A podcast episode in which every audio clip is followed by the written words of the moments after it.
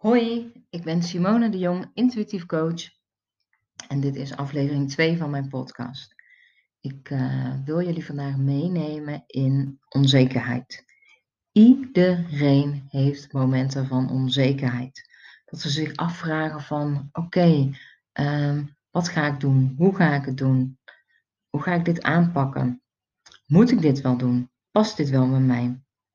En het hele mooie is dat uh, door naar je onzekerheid te kijken. Heel vaak mensen die zich onzeker voelen, die uh, uh, stoppen met het uiten van wat ze voelen, um, gaan zich verstoppen of raken gefrustreerd, uiten hun frustratie of hun verdriet. Maar vaak kunnen ze niet helemaal bij het gevoel dat het, dat het juist de onzekerheid is die dat uh, veroorzaakt. Dus dat onzekerheid uh, juist uh, het verstoppen van jezelf, het wegduwen van de ander, door of verdrietig te worden, ruzie te schoppen, frustratie te uiten, um, dingen uit de weg te gaan, dat het allemaal reacties zijn van onzekerheid. Maar ook bijvoorbeeld uh, mensen die uh, onzeker zijn, die uh, harder gaan praten of eh, meer harder gaan schreeuwen of, of woorden gaan gebruiken die ze normaal gesproken niet gebruiken.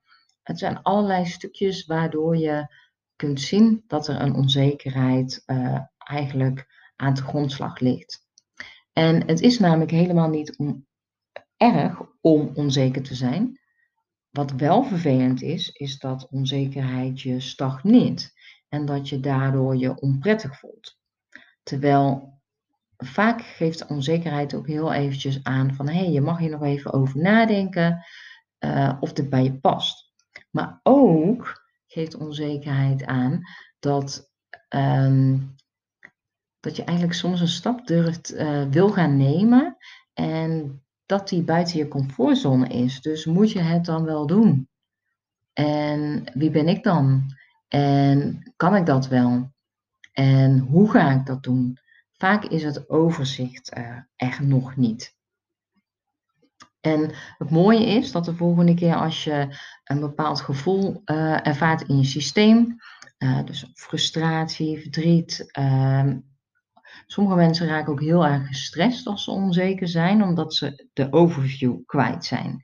En wat je dan eigenlijk mag doen uh, voor jezelf, dat je mag gaan kijken van hé, hey, ik ervaar deze emotie, ik eh, ervaar dit gevoel en waar komt dat door? Heb ik het overzicht niet? Um, ben ik uh, bang dat het verkeerd gaat? Mag ik überhaupt van mezelf uh, mag ik überhaupt van mezelf leren? Mag ik leren van wat ik nu ga doen? Of moet het meteen de eerste keer helemaal uh, perfect, alle details erop en eraan? Waarom begin ik ergens niet aan? Omdat het uh, helemaal al moet kloppen en dat ik niet precies weet hoe ik het kloppend uh, nog uh, kan maken.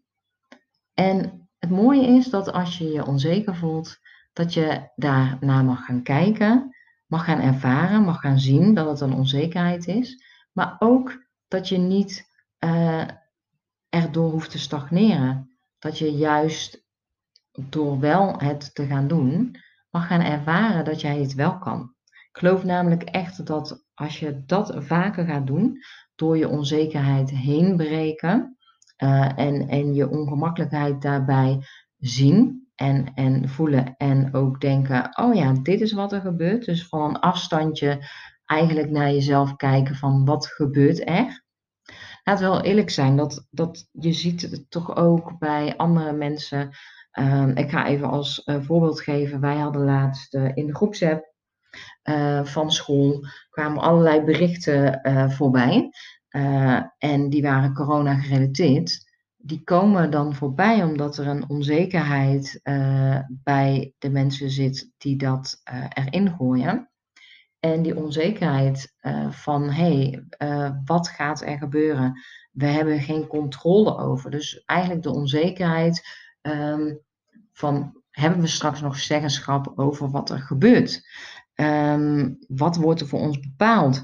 Uh, ik wil dit met jullie delen in de school-app, want ik hoop op, uh, op antwoorden, maar ik hoop ook op ondersteuning. Want als ik de ondersteuning voel, dan voel ik mij minder onzeker. En ik voel me nu onzeker, want ik, ik heb het idee dat het uh, uit handen voor me wordt genomen en dat ik niet over, over de maatregelen nu zelf kan. Um, kan beslissen, maar dat ze me opgelegd worden. En voordat er überhaupt uh, eigenlijk uh, maatregelen werden aangekondigd, dat er dan al bepaalde stukken op social media en uh, via de groeps WhatsApp gestuurd worden. Is ook een onzekerheid. Het overzicht is er niet. En het mooie is ook dat als je daar bij jezelf bij stil gaat staan van hé, hey, wat gebeurt er bij mij? Dat je ook veel meer ehm, rust en ehm, overzicht hebt als je uh, dat bij anderen ziet gebeuren. Dat betekent niet uh, natuurlijk dat als dat uh, continu zo gebeurt, dat je daar niet naar mag handelen. Dat je zegt van nou tot hier, ik vind het niet prettig, ik ga de groeps WhatsApp uit, dit kost me te veel energie. ook al begrijp je waar de onzekerheid vandaan komt. Maar dat je wel mag gaan kijken, onzekerheid, iedereen heeft het. En iedereen handelt er weer op een andere manier naar. Maar om er bewust van te worden, kun je er zelf op een uh, andere manier mee omgaan. Kun je het omgooien. Kun je, terwijl je in dat proces zit, dat je weet van, uh, ik heb dat bijvoorbeeld met ICT-skills. Ik vind het echt eh, super belangrijk om, om dat wel te leren en te weten wat ik doe. Maar het is niet mijn, uh, zoals ik intuïtief ben, is ICT-skills is wel echt een dingetje. Daar heb, heb ik meer uh, tijd voor nodig om dat onder de knie te krijgen. En in het begin ging ik het dan uit de weg. Want dan dacht ik, ja, uh, kan ik dat wel en hoe dan?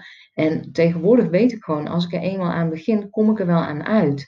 En als ik er niet aan uitkom, dan heb ik echt wel een aantal mensen om me heen die ik even kan vragen van, hey, luister, ik kom er echt niet aan uit. Uh, hoe zit dat?